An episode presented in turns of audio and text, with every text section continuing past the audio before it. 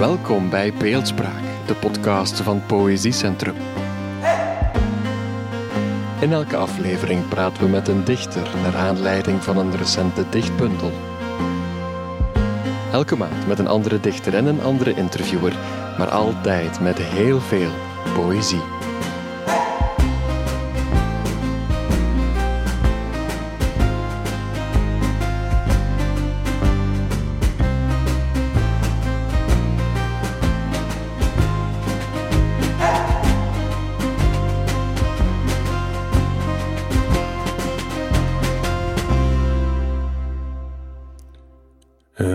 Beginnen met mijzelf misschien even voor te stellen. Mijn naam is Jean-Paul Mulders. Ik eh, ben journalist en eh, columnist. Ehm, schrijf voor uh, De Morgen, Knak, het laatste nieuws. Heb ook een enkele boeken geschreven, onder meer een kinderboek, een boek over, een non-fictieboek over Hitler, een roman en in een ver verleden, ehm, je zou het bijna een jeugdzonde kunnen noemen, uh, de biografie van uh, Jotit Hoofd. Goedemorgen. Ik ben Dirk van der Beken. Uh, ik heb nu uh, het nieuwe boek Halfweg de Wandeling door Oudenaarde met gedichten van Jotit Hoofd samengesteld, samen met Ilse Weber. Vanuit een literaire wandeling, maar daar kunnen we het nog over hebben. Uh, ik ben 40 jaar lang docent geweest en lector en leraar, uh, vooral in het hoger kunstonderwijs, leraar literatuur. En uh, ik heb ooit in de marge wel eens gepubliceerd um, een boek over mythen en legenden en een boekje over Christine Hemrechts. En ik ben ook redacteur geweest bij Klassen voor Leraren. Er werd mij de vraag gesteld naar het uh, belang van de beeldspraak in het werk van Jotit Hoofd. Dat lijkt mij een uh, zeer duidelijk belang te hebben, maar ik heb een citaat gevonden in het nieuwe boek Halfweg de Wandeling, dat daar um, heel goed bij aansluit. Over de eerste gedichten die Jotit Hoofd las, zei hij in een interview dat Daniel Billet voor Poëziekrant van hem afnam en ik citeer: De eerste gedichten die ik las waren van Paul Snoek. Ik was toen twaalf jaar en verstond er geen barst van. Maar die fantastische bouwsels die hij maakte, fascineerden mij. Ik wilde ook zoiets maken.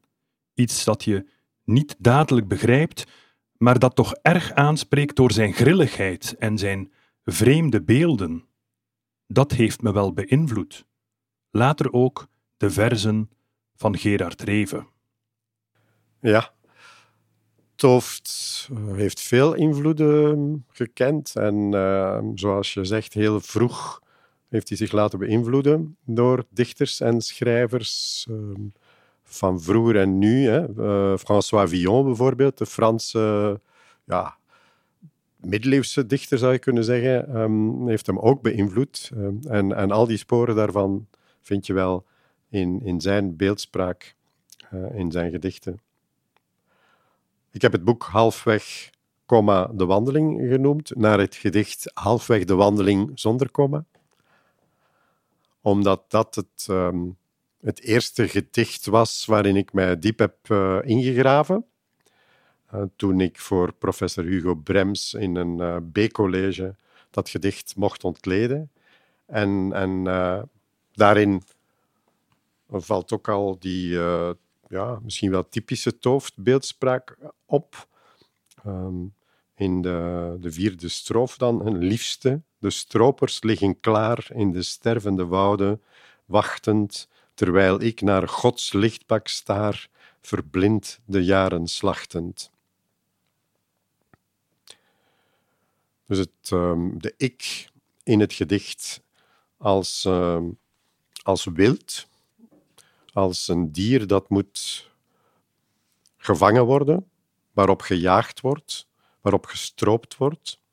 Um, verwijzingen naar God, Gods lichtpak, toch wel een sterk beeld. Uh, de ik is een konijn verlamd door Gods lichtpak. Hij zit daar maar naar te staren, uh, terug te kijken op de voorbije jaren. en ehm, die af te slachten. Dus te, te denken, ja, die jaren waren alleen maar het slachten waard, hè, waren niets waard of waren niet veel waard. Ehm, dus God is een soort jager of een soort stroper. En de medemensen zijn blijkbaar medestropers die, ehm, die erop uit zijn de ik ja, te doden. Ehm, en dat soort beeldspraak zie ik vaak terugkomen. Joti Toft schrijft in de ik-vorm over een marsman op aarde, een, een, uh, een buizerd die uh, moet uitgeroeid worden. Mhm. Dus vaak, uh, vaak die beeldspraak. Mm Ja, ik hou van de besprekingen, de analyses van de gedichten die je in het boek maakt. Um, vaak werpen ze nog een nieuwe, verrassende kijk op dingen. Ze zijn ook heel gedetailleerd en je kan er dingen bij vermelden uh, die echt van die tijd zijn, omdat ja, dingen die, die, die nu misschien soms vergeten zijn, maar die ik merk, ja, dat, dat klopt, dat zal wel een invloed geweest zijn en zo. Vind ik heel boeiend, uh, die besprekingen van de gedichten in het boek. Um, het werk kennen we ondertussen, denk ik, allebei um, van binnen en van buiten, om het zo te zeggen, als de spreekwoordelijke broekzak. Maar heb jij Joti het hoofd zelf gekend, Dirk? Niet echt. Ik was van um, een van de dorpen binnen het gefusioneerde Oudenaarde, van Eine. Hij van Beveren, dat zijn aangrenzende dorpen. Um, ik was um, bij KSA Eine, hij bij KSA Oudenaarde. Hij ging naar hetzelfde college, maar hij zat in de Latijnse het jaar voor me. Ik in Moderne, een jaar later dus. En uh, ik kende wel veel mensen die hem beter kenden, maar ik heb hem zelf eigenlijk niet gekend. Hoewel ik bijna dagelijks voorbij zijn huis reed in de Lindenstraat. Eén keer meen ik, maar ik weet niet of ik mijn geheugen op dat vlak goed kan vertrouwen, dat hij mij uh, omvergelopen is op de speelplaats.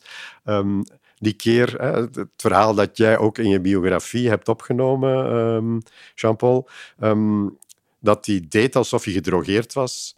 En uh, ja, dat moet tweede Latijnse geweest zijn, denk ik. Uh, en witte papiertjes verkocht met daarin platgestampte aspirines of zoiets. Um, in elk geval, het waren geen um, illegale drugs. Uh, het waren medicijnen. En hij verkocht die en hij deed alsof hij gedrogeerd was. En hij, liep zo wat als een dronken man over de speelplaats. En ik meen dat hij mij toen ook uh, omvergeduwd heeft en, en, dat ik zei, zeg, laat mij eens gerust. Omvergelopen uh, door Joti het hoofd. Sommigen zouden ervoor tekenen. ja, maar ons geheugen is zo onbetrouwbaar. Hè? Um, ja, en verder niet. En eigenlijk behoorde ik bij de categorie mensen uh, die gewaarschuwd werden door hun ouders van blijf uit zijn buurt. Hè? Zo was dat in Oudenaarde. Blijf mm. uit zijn buurt. Blijf uit de buurt van de drugs. Want dat was het verderf. Terwijl um, alcohol, dat was... Um, ja, dat hoorde overal bij. Dat hoorde zelfs bij de misdienaarsbijeenkomsten of de, of ja. de KSA-vergaderingen uh, in elk geval. Ja. Maar drugs, uh, daar was men heel bang voor. Ja, in zekere zin natuurlijk terecht. Um, maar men reageerde heel overdreven op, op Joti Tooft, denk ik. Ja, dat is een grappig in zekere zin wat je zegt, want ik heb Joti niet gekend. Ik was pas um, negen toen hij stierf. Maar ik heb wel een heleboel mensen uit zijn entourage goed gekend. Ik denk dat, ik 30, dat we dertig mensen geïnterviewd hebben, uh, Annick Lesage en ik, voor um, de biografie. Velen daarvan zijn ondertussen dood, wat dan mij doet denken van het was tijd, anders zou het nu niet meer gekund hebben.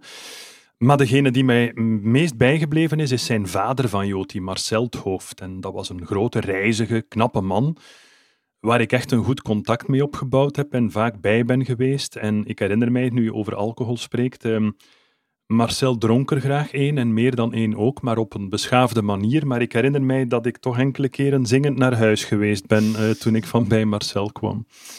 Ja, hij heeft het ook verklaard in een Humo-interview. Hij heeft gezegd, toen, toen, uh, toen Joti, maar eigenlijk zei hij Johan, denk ik. Hè? Ja. Toen Johan uh, aan de drugs geraakte, was ik radeloos. Maar zelf was ik toen ook wel eh, iets te veel aan het drinken. Mhm. Hij zegt, ja, overdag dronk ik niet, maar s'avonds had ik toch mijn porties nodig om, ehm, ja, om overeind te blijven. Zo, zo zeggen we dat dan. Hè. Mhm. Eh, ehm, dus hij, hij zegt zelf, ja, ik had eigenlijk een, een problematische relatie met alcohol. En we weten ook ehm, dat eh Joti's moeder een problematische omgang had met medicijnen. Dat ze Ja. slaapmiddelen en, en kalmeermiddelen nam vanaf de geboorte van de kleine Johan tot haar dood. Hè. In haar appartement vond men dan blisters van medicijnen à volonté. hè. Ja, misschien was er wel sprake van een soort eh, verslavingsgen, als dat zo genoemd kan worden. ehm, dat een soort voorbeschiktheid. Ik Ja. zou het niet durven beweren, maar wat je zegt klopt wel helemaal natuurlijk. We zijn er in het boek ook voorzichtig mee omgegaan, denk ik. Ehm, maar eh, ja, een familielid, een nicht, Saskia Tooft, en, en haar echtgenoot Mark de Mil waren betrokken bij de, redactiegroep. En ehm, ja, we hebben erover gepraat. Maar aangezien zowel Marcel Tooft als Rosa Bostijn in de media hebben verklaard dat ze zelf afhankelijk waren, in zekere zin, van middelen, hebben we het dan toch maar opgenomen in het boek. En dat vind ik wel goed, want men gooit zo gemakkelijk de steen naar iemand die een afhankelijkheidsprobleem Mhm, heeft, zonder rekening te houden met, ja, waar komt dat vandaan? hè? Mhm. En één op acht personen zijn psychisch kwetsbaar. Ja, hoe komt dat? Die worden zo geboren. En als de omgeving dan op een of andere manier ook nog ehm, ja, een factor wordt in dat proces, dan, dan kan die persoon afhankelijk worden. En dat is misschien een van de belangrijkste redenen waarom ik die Joti Toft wandelingen in Oudenaarde begeleid, begeleid en dat boek heb willen samenstellen. Omdat ik hem, Joti Toft, niet op een voetstuk wil plaatsen, maar wel wil voorstellen in, in, in de juiste ja, proporties. Zo van, Mhm. Hij was een, een psychisch kwetsbare persoon die worstelde om iets van zijn leven te maken en die daar blijkbaar niet in geslaagd is, vond hij zelf. Mhm, Want hij was mhm. heel streng voor zichzelf hè, in zijn gedichten van dat hij eh, er schuld aan had Mhm. om... ehm, ja, dat hij de oorzaak was van... eh, ja, eh, hij schrijft... ehm, de doornhagen, vader, en de haat, ze hebben ons uiteengedreven. Ik, afkomstig van uw zaad, werd de verminker van uw leven. Dus hij ziet zichzelf als de verminker. Hè? Ehm, Dus ehm, hij had respect voor zijn ouders en voor zijn grootouders. Hij draagt Ja. zijn bundels op aan zijn grootouders. Mhm. Wie, wie deed dat in 75, 76? Ja, zeker niet Eh, als je zo vrijgevochten was en toch wel wat rebels en tot de underground eh, behoorde. Ja. Ehm, het zou een interessant idee zijn, bedenk ik nu. Mocht iemand eens een, een, een doctoraatsthesis schrijven over eh Jotiet Hoofd, maar dan niet iemand vanuit de literaire wereld, maar vanuit de psychologie eigenlijk. Van, van, van wat, wat zijn nu de, de dingen die dit kunnen in de hand gewerkt hebben? Want toen we het boek schreven, was er nog minder aandacht voor al die psychologische achtergronden en voor was er minder bekend daarover. En dan dacht je altijd van, hoe kan dat nu? Vader is een deftige onderwijzer, moeder eh, zijn zelfs niet gescheiden of zo, alles goede jeugd zou je denken. Hoe kan dat nu zo ontspoord zijn? Maar er moeten ongetwijfeld eh, redenen zijn en dingen die ze nu ja, zouden beschrijven als onveilig gehecht of whatever. Veel meer van die theorieën dan vroeger zijn nu verspreid geraakt en ik zou graag dat lezen. Een, eh, een, een, een, een onderzoek naar de psychologische achtergronden. Ja, Ik ben het met je eens. Ik vind het een heel goed idee. Eh, en dat zou allicht wel kunnen op basis van al het werk dat hij geschreven heeft, dat toch ehm, verzameld bijna duizend pagina's is hè, in de, het laatste verzameld werk. Ehm, ja, men heeft het zelfs gedaan voor Abt de Loze van de abdij van Eename op basis van zijn geschriften uit de 17e eeuw, als ik mij niet vergis. Eh, Mhm. Een psychologisch profiel opgesteld van de, Mhm. van de abt-manager. ja. Eh, ja, ik vind het een goed idee. Ja, En- ze hebben het ook. Ze hebben het tijdens de oorlog vanuit Amerika gedaan van Hitler. Een psychologisch profiel van op afstand. En ze kwamen tot de conclusie dat de persoon in kwestie waarschijnlijk zelfmoord zou plegen. En dat was denk ik in 1942 of zoiets. wat dan toch wel bewaarheid geworden is. Dat, dus ze kunnen toch wel van op afstand blijkbaar profilen. Of, maar goed, we gaan nu Joti niet ehm, vergelijken met Hitler uiteraard, hoewel er wel sprake was van een zekere fascinatie. Want ik merk in sommige van die gedichten gaat het over snorretjes en Eva Braun en, en, en ook over die, ehm, dat, dat tekenen, dat hakenkruis dat hij dan gebruikt en zo. Hmm. Daar heb jij ook een analyse van een van zijn gedichten uh, gemaakt. Ja, Ikris Technang. Dat is het, ja. Uh, ja, de bundel die hij had voorbereid en die dan um, in restant, dacht ik, uh, eerst gepubliceerd is en dan nog eens apart uitgegeven. Ja, uh, nu dat hakenkruis is, is een heel oud symbool al um, ja, bijna uit de prehistorie. Ja. Eigenlijk een positief iets uh, oorspronkelijk. Ja, Het, ja. Uh, ja, energie of zonneteken of zo uh, bij de Indiërs. Mm -hmm. Het zonnerad. Maar hij spreekt inderdaad ook van, ehm, ja, van Hitler en Eva, dus Eva Braun. Dus hij verwijst zelf naar dat nazisme. Dus ehm, dat zit er ook wel in. Hè? Mm.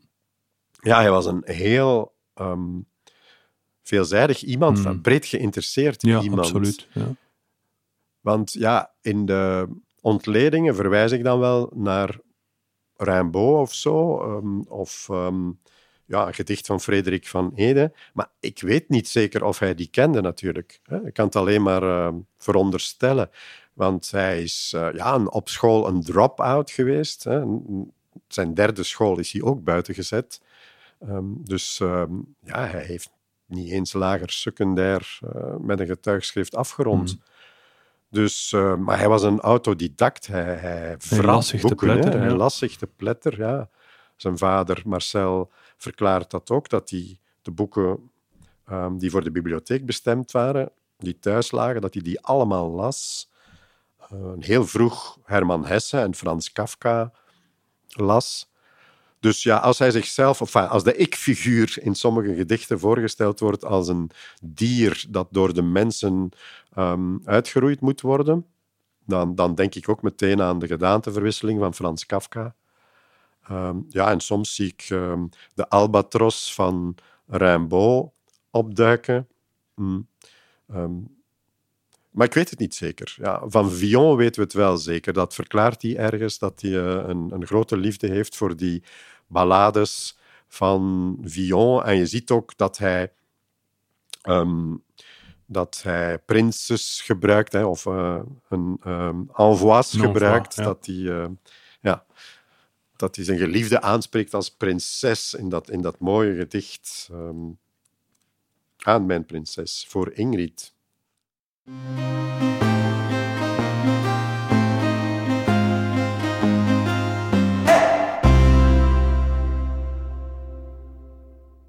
Wat ik nog wou vragen, maar ik denk dat ik een beetje het antwoord weet, is: jij bent, um, hoe ben jij geïnteresseerd geraakt in Joten? Ja, als je van Einde bent bij Oudenaarde, de streek is een beetje doordrenkt van, uh, kan ik mij voorstellen dat dat al heel lang is dat je daar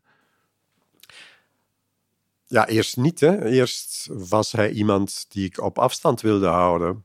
Um, en um, er zaten wel een paar jongens in mijn klas, die, um, dat was toen wetenschappelijke A, die, die hem af en toe ontmoetten. En die ook wel wat experimenteerden met drugs, tot op de schoolreis toe. Maar ik heb altijd gezegd, nee, uh, ik, ik, ik, ik, wil er niet, ik wil er niks mee te maken hebben. Um, alcohol op zich was al erg genoeg. Mm -hmm. um, en um, eigenlijk is, is, is, is het pas aan de universiteit, na mijn kandidaturen, door kennis te maken met het gedicht Halfweg de wandeling bij Brems, bij Hugo Brems, dat ik dacht, maar, maar jongens, dit is, dit is goed. Dit is uh, poëzie die erg de moeite waard is. Mm -hmm. Die inhoud is goed. Die vorm is goed. Uh, ik mocht dat gedicht toen bespreken en um, ik ben dan gaan vragen aan, aan Hugo Brems, mag ik mijn verhandeling over Joti Tooft maken? Maar ik was te laat. Uh, Philippe de Nijs, Phil Handko was me voor. Uh, hij zat het jaar voor me. En hij is dan degene die die verzamelde gedichten in 1981 heeft samengesteld. Mm -hmm. um, dus de eerste gebundelde uitgave door Manteau van de gedichten van Tooft daar zat uh, Philippe de Nijs achter. Hm. Maar ik ben me blijven ehm, interesseren of, of meer gaan verdiepen in het hoofd. En, en toen ik dan docent werd en leraar, ehm, ja, deed ik wel elk jaar iets met een aantal gedichten van het hoofd. Ja, je was erdoor gegrepen. Bij Ja. mij is het eigenlijk anders gegaan. Het kwam niet via de gedichten, maar via het proza, vreemd genoeg. Ehm, ik herinner mij dat ik op een dag bij de slechte binnenstapte en daar lag een hele stapel van dat mooie aubergine-kleurige boekje verzameld proza met een harde kaft. Ik denk dat het 100, euro, eh, 100 frank sorry, per stuk was. En die naam zei mij toen vaag iets, maar ik dacht, ik neem het mee. Eigenlijk vooral voor het mooie boekje en minder voor Jodit Hoofd. En thuis begon ik erin te lezen en ja, was ik helemaal direct gegrepen erdoor. En het, was, het waren niet de drugs, want ik ben behalve ook soms wat alcohol, maar geen drugmens. Ehm maar het was vooral zijn fascinatie voor de vergankelijkheid die mij aansprak. Ik had in mijn jeugd redelijk wat mensen verloren, vrienden, eh, familieleden. En die enorme eh, fascinatie daarvoor bij Joti, dat sprak mij heel erg aan. En, en, en dan ben ik niet meer opgehouden en heb ik alles gelezen wat ik van hem te pakken kon krijgen. En ja, met het gevolg dat er eerst een artikel van kwam, dan een bijdrage voor een literair tijdschrift en uiteindelijk een boek. Mooi. Ja, ik heb de verschillende versies ervan. Dus eh, was de eerste keer in 95 of? eh? Eh 97, denk ik. 97. Ik denk dat ik toen 28, 27 was of zoiets, Mhm. ja. En dan zijn er verschillende drukken gekomen, ook bij verschillende uitgeverijen, Ja. waarvan één bij het Poëziecentrum. Ehm, wat ik van jou nog zou willen weten, Dirk, is, dat intrigeert mij wel, die wandelingen. Wat voor mensen doen daaraan mee? Wat, wat voor mensen zijn dat? Dat is heel divers. Ja, het gebeurt wel eens dat er een familielid, eh, een, een, een neef, meestapt in de wandeling. En, eh, Van Joti eh, dan? ja, Ja. en hem dan, ja, dat klinkt misschien ijdel, maar een beetje herontdekt op een andere manier. Ehm, maar het is heel divers. Er zijn mensen die al die wandelingen in Oudenaarde uitproberen en dan ja, heel onvoorbereid en on, onbevooroordeeld ook eh, deelnemen.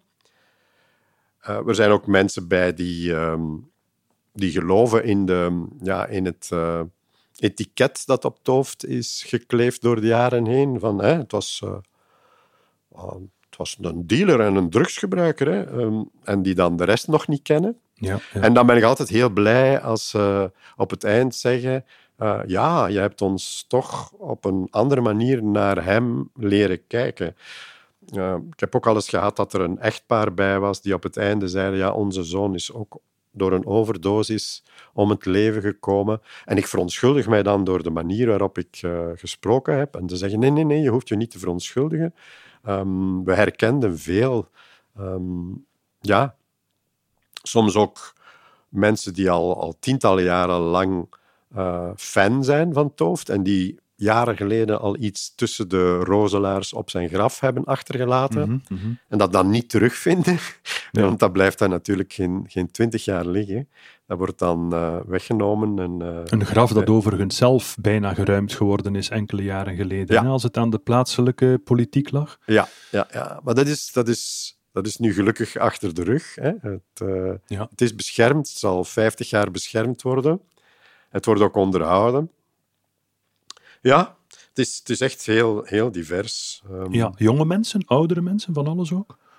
Ook gemengd, ja. Soms heb ik zelfs al eh, ouders gewaarschuwd van ik zie dat u uw dochter meebrengt. Ja. Eh, is, is ze niet te jong voor het onderwerp? Ja. Want het zal gaan over eh, zelfdoding en psychische kwetsbaarheid Ja, ja. en drugsgebruik. En ja, toch, ehm, ja, toch gaan ze dan mee. En eh, dan vraag ik soms ja, aan, aan dat kind, dan was het niet te heftig voor jou? En blijkbaar valt dat dan toch nog mee. Ja. Ja. De mensen kunnen wel wat hebben, denk ik, tegenwoordig. soms deelnemers aan de poëziewedstrijd, de Joti Tooft poëziewedstrijd, die dan ehm, eens komen meelopen. En want we doen de wandeling in elk geval op de dag van de prijsuitreiking. En we doen ze ook op de dag van de hommage. Dus we hebben zo'n tweejaarlijks programma met de VZ2. Ehm, er is nu op dit moment eh, opnieuw ehm, een wedstrijd aan het lopen, dus poëzieliefhebbers kunnen insturen. Mhm. Uh, de website vinden ze wel, Joti Tooft Poëzieprijs. Fijn. Ja, ik heb het idee dat ik een beetje moet bemiddelen tussen het publiek en Joti Tooft. Um, um, ja, ik zei het al. Um, hem juist proberen voor te stellen uh, met zijn uh, ambities, zijn aspiraties, maar ook met zijn falen, uh, met zijn tekortkomingen. Maar ik vind zeker niet dat uh, zo iemand ja, in de vergeetput moet gegooid worden. In, Oudenaarde hebben we ook Adriaan Brouwer, afkomstig van bij ons, maar toch op heel jonge leeftijd naar het noorden getrokken. En ook een opmerkelijke figuur die het niet lang volgehouden Precies. heeft op deze planeet. Ja, en, en ja, de legendes zeggen dat hij is omgekomen door uh, uh, overmatig drankgebruik. Hè. En toen draaiden ze ook al van alles in hun bier en in hun tabak. Verrijkte tabak. Ja, ja precies. dus uh, ja, waarom zouden we Adriaan Brouwer op een voetstuk plaatsen en dan Joti Tooft ja, vergeten? Dat kan toch niet? Dat zou jammer zijn, want ik vind nog altijd, um, uh, als ik hem nu herlees, toch wel een stuk ouder en meer meegemaakt dan hij had, vind ik nog altijd dat, ze, dat zijn gedichten, zijn werk van een ja, verrassende maturiteit getuigt. En, en die sterkste gedichten, die staan er nog altijd, vind ik. Daar ben ik het mee eens. Ik denk ook dat hij zeer begaafd was en, en zeer gevoelig was. Uh, ja, dat uh, die, um, die psychologische verslagen brengen ons niet veel verder. Hè. Um, sommige zijn heel um, positief. Zeggen het was, het was een gewone jongen. Um, ja, een beetje raar omdat hij Kafka zat te lezen op de tribune in plaats van voetbal uh, te spelen. Ja, ik ben nu ook het slot van Kafka aan het lezen. Ja. het is inderdaad echt geen makkelijke lectuur voor iemand van toen die leeftijd. Nee. Ja. ja, ik was 18 toen ik het proces van Kafka las. Hij las dat als 12, 13-jarige. Ja. Dus misschien te vroeg, hè? Dat, dat kan ook, hè? want als je, als je niet het, ja, het mooie van, of het positieve van het leven hebt leren kennen en al, al, al, al je, ja, je verdiept in, in existentialistische ja. uh, literatuur, um, die zegt dat het leven toch maar niets is. Hè? Kruipen van de, van, van de geboorte tot het graf. Ja. En, ja, dat beïnvloedt je natuurlijk uh, als je Ja. die zaken te vroeg leest. Je kent misschien de verzuchting van Marcel het Hoofd. Was hij maar loodgieter geworden, dan zou hij misschien getrouwd zijn en kinderen gekregen hebben en nog leven, zei Marcel. En toen was ik daardoor gechoqueerd bijna, zo van wat? Onze grote dichter, mocht die nu, zou die nu loodgieter? Maar nu snap ik dat. Als je zelf kinderen hebt, snap je dat. Ik zou denk ik ook liever hebben dat ze loodgieter worden dan dat ze zo getormenteerd zijn en, en, en afzien van het bestaan. Ja. En misschien kunnen loodgieters ook getormenteerd zijn. Het ene sluit het andere niet uit, maar je, je weet wat ik bedoel. Mhm. Ja, en toen hij werkte voor zijn oom Erik, Rick Tooft, um, in, in een meubelmakerij, leek hij tot rust te komen. En dat was misschien wel zijn beste tijd, hè? want hij deed ook uh, ja, 12 stielen, 13 ongelukken, zeggen we dan. Hè? Um, en hij was te sensitief om in een weverij te werken. Of, Ja. maar bij zijn oom kwam hij wel tot rust. Maar hoe je het ook draait of keert, je hebt het gevoel en je blijft met het gevoel zitten dat daar een enorme deathwish was hè, bij, bij, bij Joti, dat hij dit leven hier niet toereikend vond. Hij, was, hij zag er goed uit, um, hij had talent, de wereld kon aan zijn voeten liggen, maar het was precies dat het niet voldoende was, alsof het een, een ziel was die niet in vlees vervat wou zitten. Zo. Dat, Ja. dat gevoel. dat was ook wel een beetje de tijdsgeest. Want uh, ja, een andere oudenaardse dichter, uh, De Krits, schreef ja, rond diezelfde tijd ook een gedicht uh, over zelfmoord plegen. Maar het zijn alleen maar de bladluizen die overblijven. Ze kenden elkaar. Ja, hè? ja, Ze gingen samen naar, uh, naar poëzie-manifestaties. Um, en, en ik heb gelezen in een verslag van een literaire wedstrijd van Hanneke van Buren, Mhm. um, waarin ze schrijft, ja, het is opvallend hoeveel jongeren gefascineerd zijn door de dood eind jaren zeventig. Ja, ik herinner mij dat niet, maar dat zal wel kloppen. Uh, dat er ook een, een tijdsgeest was van uh, ja, is het leven maar dat? Ja, daar heeft Jeroen Brouwers ook veel over geschreven. Hè? Over de laatste deur, over uh, zelfmoord in de Vlaamse letteren. Hoeveel waren er dan? Dirk de Wit, uh, Jan-Emiel Dalen. Maar nee, ik kan nu de namen niet direct, maar er waren, dat was echt wel een heel... het was bijna zo de, de, de 27-club zoals je hebt in de, in de muziek. Ja. Ja, en in, ja, men zegt van Joti Tooft, hij is een neoromanticus, hoewel hij veel meer is. Dat staat ook wel in het boek. Um, dus hij, ja, hij was ook post-experimenteel in sommige gedichten. Hè. Uh, Paul Snoek achterna. En um, hij heeft heel wat geprobeerd, maar sommige van zijn gedichten doen ook wel denken aan die romantische ironie van de 19e eeuw. Hè. Piet Paaltjens mm -hmm. met... Um, ja. ja, Piet Paaltjes, die François Haversmit, die ook zelfmoord gepleegd heeft. Um, die gedichten waarin die worsteling met um, de eigen gevoelens van is het leven maar dat, ja, op een uh, humoristische manier worden overwonnen, tijdelijk worden overwonnen. Uh, want dat is misschien een beetje miskend. Bij Joti Tooft in zijn werk zit er ook heel veel humor, hè? heel mm -hmm. veel... Uh, ja, woordspelingen ook, mm -hmm. maar ook uh, zelfspot en, en ironie. Ja, Joe Tiethoofd noemde, zij, noemde hij zichzelf wel eens. ja, dat was een van de vele bijnamen die hij aan zichzelf gaf. Hè. Pietje Shot of Pietje Prik. Hè. Ja, Joe Tiethoofd. Ja, hij was ook een beetje een dubbel talent, vind ik altijd. Als je zijn tekeningen ziet, hij maakte vaak schetsjes zo in de marge. En ik vind die goed, die tekeningen. Hij heeft dat niet ontwikkeld, maar hij, hij, had daar ook aanleg voor, vind ik. Ja, dat is zo. Ja, in het boek hebben we er één opgenomen die hij uh, gemaakt heeft, samen met anderen waarschijnlijk, toen ze opgesloten waren na de razzia in Oudenaarde, uh, die drugsrazzia, de dag voor zijn 18e verjaardag. En uh, ja, die hebben we opgenomen in het ja. boek. Ja.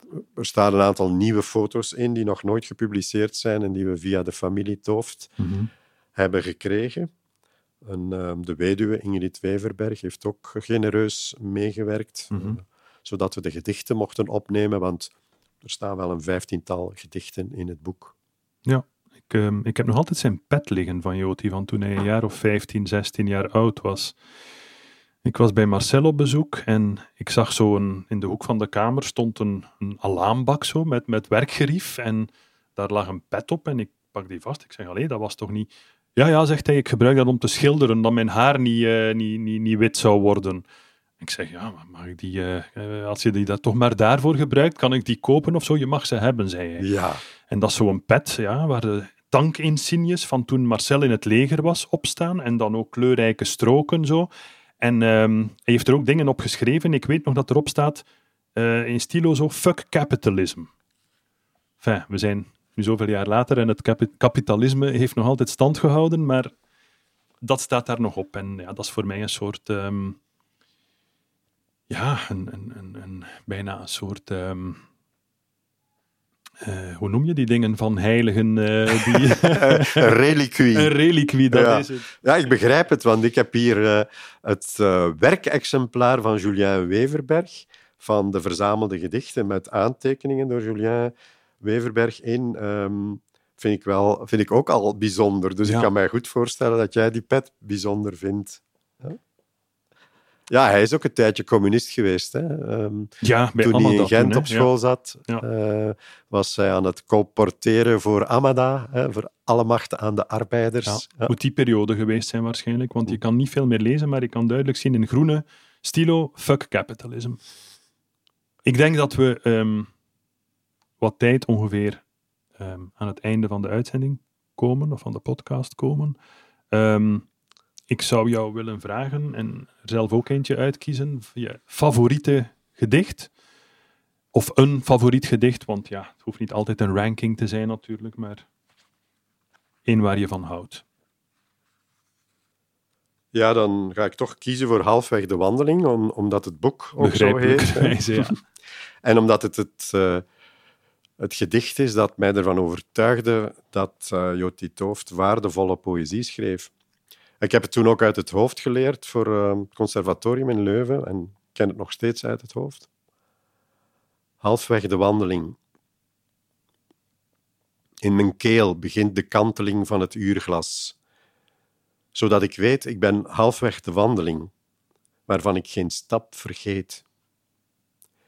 De doornhagenvader en de haat, ze hebben ons uiteengedreven. Ik, afkomstig van uw zaad, werd de verminker van uw leven. Nu is mijn raddemond verbloeid, omdat ik enkel vrucht wou zijn en niet de tak die haar moest dragen, bleef ik een dier en heb geloeid.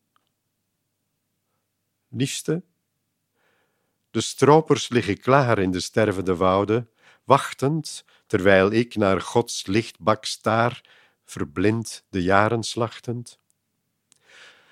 Want meer heb ik nooit geleerd van de kinkels in hun keten, dat men best zijn oudsten eert en verder zorgt voor eten. Zie mij nu, moeder, uw droevig kind dat kreupel was en dat u moest verlaten. Nu ik eindelijk een antwoord vind, kan het ons niet meer baten. Sterk. Dankjewel, Dirk. Ik, um, ik kies voor de oerklassieker. En wat dan? Ik denk dat hij het schreef toen hij nog maar een jaar of vijftien was. En ik vind het nog altijd aangrijpend als ik het, uh, en echt als ik het nu lees. Op een dag zal ik weg zijn. En wat dan? Verdwenen zonder een teken te geven of te nemen. En het puin dat ik achterlaat is niet langer lachwekkend. Want wie zoals ik nooit heeft gebouwd, laat niets achter dan verwachting en verwarring. En wat dan? Wellicht in uw herinnering zal ik stollen, verstijven, niet lang meer blijven, maar verbleken tot verleden. En wat toen te doen? Het was waar, zult gij zeggen. Hij speelde met woorden als geen ander. Maar wat heeft dat te betekenen?